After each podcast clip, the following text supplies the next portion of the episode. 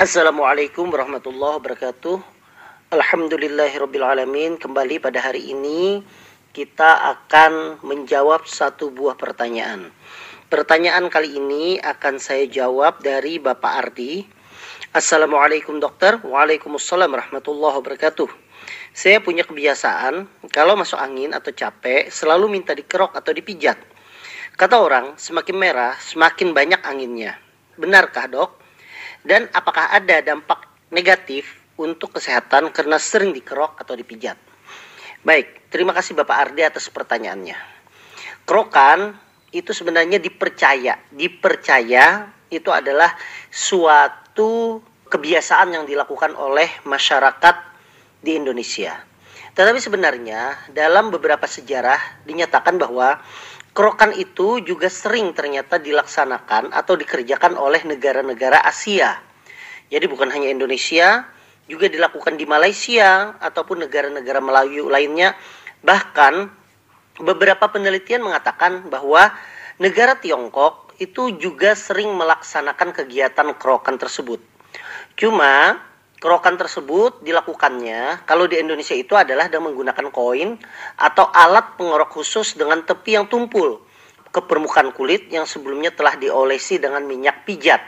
Tujuannya adalah supaya tidak terjadi e, trauma ataupun luka kalau seandainya tidak diolesi dengan minyak pijat.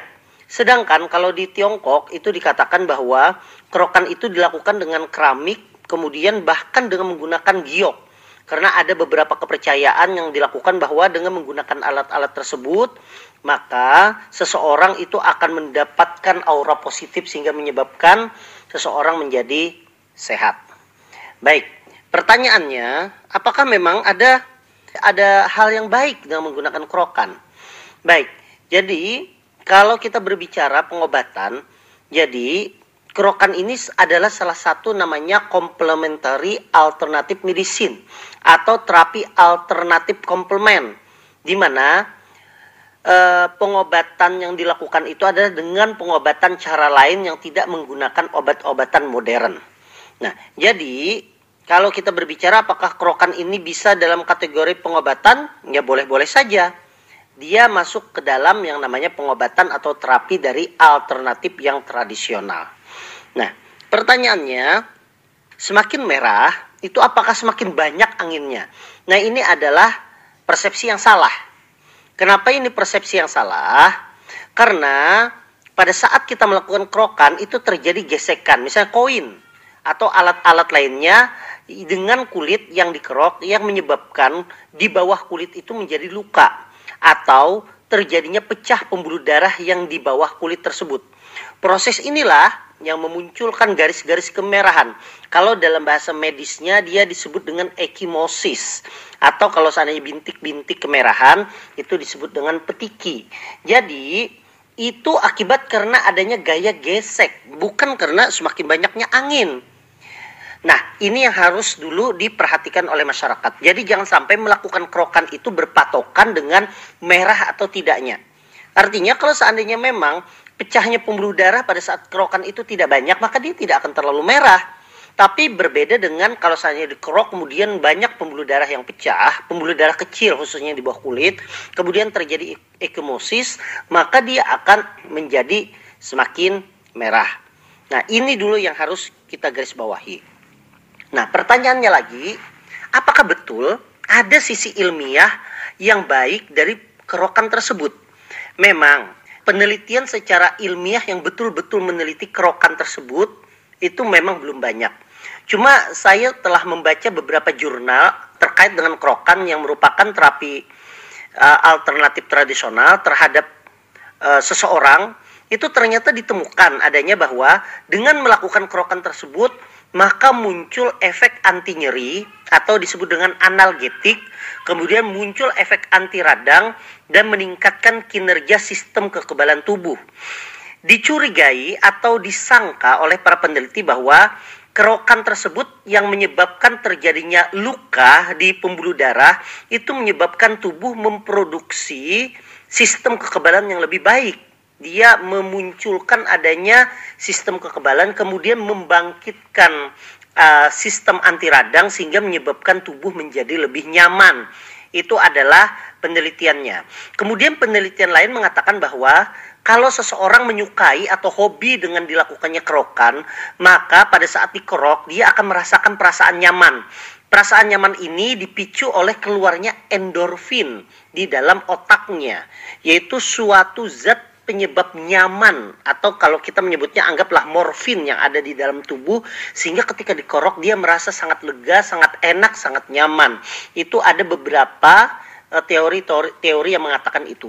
Tapi perlu digarisbawahi bahwa penelitian ilmiah yang meneliti manfaat kerokan ini masih sangat terbatas. Artinya jangan dilakukan sebuah konklusi atau kesimpulan dari uh, jawaban saya tadi.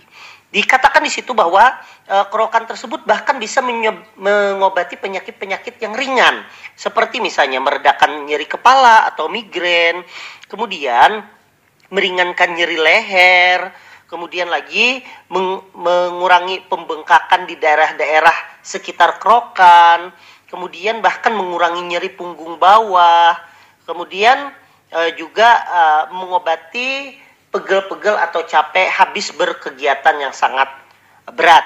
Jadi memang e, dikatakan di artikel yang saya baca tersebut bahwa secara subjektif orang-orang yang diteliti itu mengaku bahwa setelah dikerok itu badan menjadi enak. Nah, dikira uh, badan menjadi enaknya itu seperti apa? Ya mungkin seperti yang saya sebutkan tadi, mungkin karena adanya efek anti radang, anti nyeri, kemudian sistem kekebalan tubuh, bahkan mungkin adanya hormon endorfin yang keluar dari otaknya yang menyebabkan dia menjadi lebih nyaman. Nah, sekarang pertanyaan berikutnya, apakah ada dampak negatif untuk kesehatan terhadap sering dikorok atau dipijat?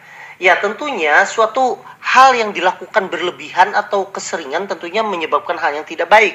Sebagai contoh tadi kita ketahui bahwa kerokan itu terjadi karena eh, kemerahan pada kerokan itu terjadi karena adanya pecah pembuluh darah akibat dari gesekan.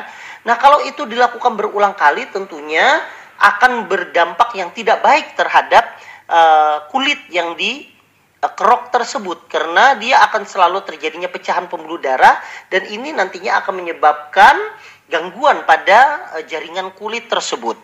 Kemudian yang perlu diperhatikan adalah kalau seandainya ternyata yang dikerok ini orang ini memiliki gangguan pembekuan darah.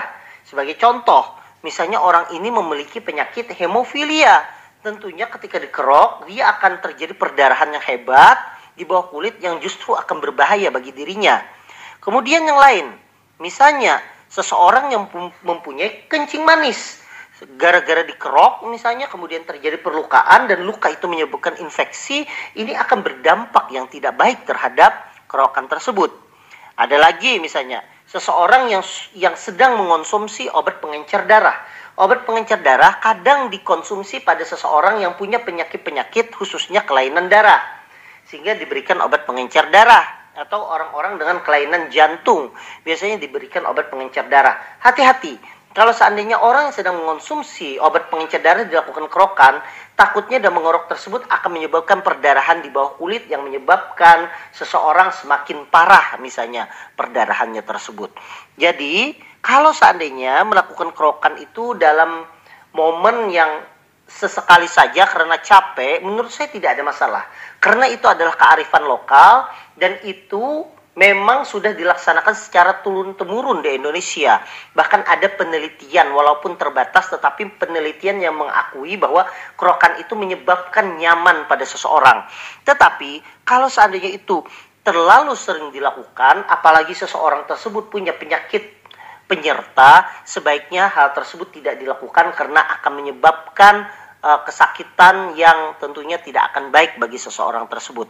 Mungkin itu saja yang bisa saya sampaikan. Terima kasih atas perhatiannya. Semoga Bapak Ardi sehat selalu dan para jemaah yang mendengarkan ini diberikan kesehatan oleh Allah Subhanahu wa taala. Wassalamualaikum warahmatullahi wabarakatuh.